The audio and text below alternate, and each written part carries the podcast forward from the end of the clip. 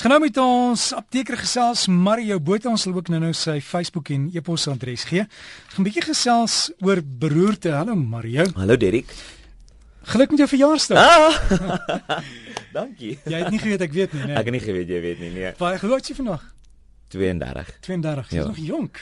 Ek dink vanoggend, waar was ek toe ek 22 geword het en ek kan nie eers dit onthou nie, maar dit is my heerlik om ouer te word. Ek ek geniet elke oomblik van 30. Wonderlik. Wel ek hoop vir baie goeie tyd en dankie dat jy op jou verjaarsdag vir ons kan kom vertel. Dis 'n groot plesier. goed.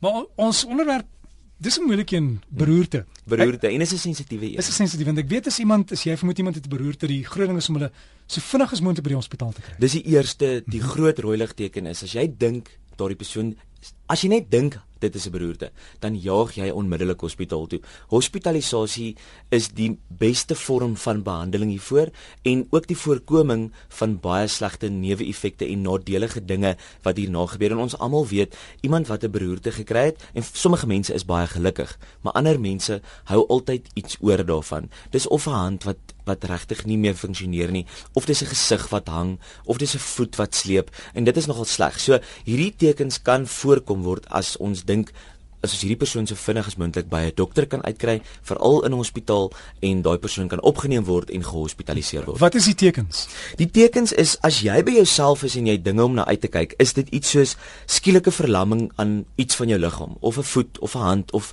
die helfte van jou gesig of die helfte van jou liggaam, um of skielike verwarring, jy sukkel om goeters agter te kom of te sien waar jy is of jy's de mekaar, jy het dubbel visie. Party mense kry net tekens soos naait en braaking. Um hierdie is klein dingetjies, skielike hoofpyn is ook nog 'n groot teken om na uit te kyk. So dinge om om waar te neem wanneer jy alleen is is goed om te besef ek het dalk nou hulp nodig. En as jy besef maar ek kan nie nou ry nie of ek kan nie loop nie tel dan 'n foon op of probeer 'n SMS stuur en sê kom help my beroerte. So hou dit kort en kragtig sodat iemand net by jou kan uitkom en jou so vinnig as moontlik by 'n dokter kan vat. Veral as jy weet daar's beroerte in die familie. As dit 'n familiegeskiedenis is daarvan wees op die uitkyk daarvoor. As iemand in jou familie dit al gehad het kyk wat is die tekens gaan lees daaroor na gaan google dit speel op die internet rond en kyk waarna kan jy uitkyk om te kyk of jy nie 'n beroerte kan kry nie. Maar wat is beroerte? Beroerte is dis interessant. Jy kry twee tipes. Jy kry vir uh, hierdie blokking van bloed wat na die brein toe gaan en wanneer dit gebeur sal die selle dan sterf omdat hulle nie genoeg suurstof kry nie. So dit is hierdie blokkasie of jy kry bloeding in die brein wat dan ook 'n beroerte veroorsaak. Maar daar's drie dinge en dit is nogal interessant. Die eerste teken van beroertes is dan trombose. Trombose is 'n klont wat iewers in jou liggaam voorgekom het en hy het losgebreek en nou beweeg hy op in jou brein of nekgedeelte in en dan veroorsaak dit hierdie blokkasie. So dis trombose. Die ander een is embolisme. Embolisme, hierdie is terme wat ons ken en ons besef nie dit alles veroorsaak eintlik beroertes nie. Embolisme is ook 'n klont wat loskom, maar dit is gewoonlik van 'n orgaan, so veral van die hart of van die longe en dan breek hierdie embolus los en hy beweeg al die pad op in jou nekare in die brein en dan blokkeer hy daar en dan die laaste een is stenose en stenose is die vernouing van 'n bloedvat. En al hierdie veroorsaak dat daar min suurstof na 'n gedeelte van die brein toe gaan en dan die afsterwing van breinselle. En dan sit ons met as hierdie afsterwing was in die spraaksentrum of in die sigsentrum of in die bewegingsentrum dan is dit waar iemand iets oorhou van 'n beroerte. En Mario, daar's nie 'n pilletjie wat jy gou kan gebruik om dit te voorkom nie. Daar is nie regtig nie. Wat ons moet doen om dit te voorkom is om nommer 1 'n gesonde leefstyl te hê. Wanneer jy gereeld oefen en 'n gebalanseerde dieet het, is dit wonderlik.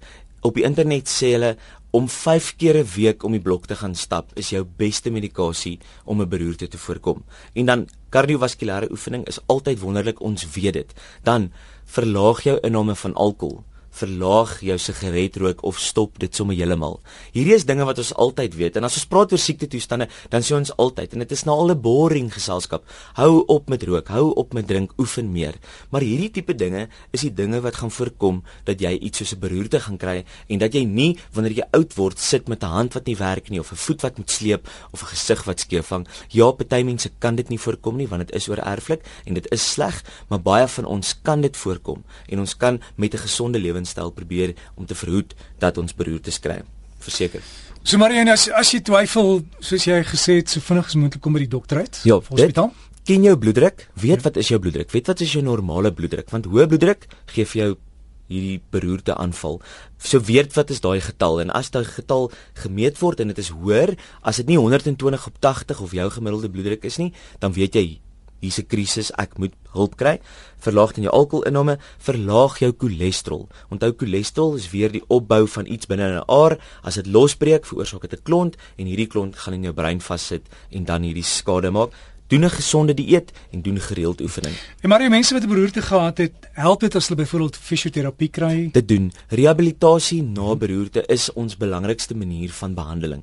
En dit is ook die die beste manier om vir hierdie persoon weer selfvertroue te gee want baie keer is baie van hierdie pasiënte skaam oor dit wat gebeur het of hierdie hierdie oorhou van hierdie aanval is dan nou vir hulle die slegste en dit is gewoonlik ook vir die mense om hulle baie sleg.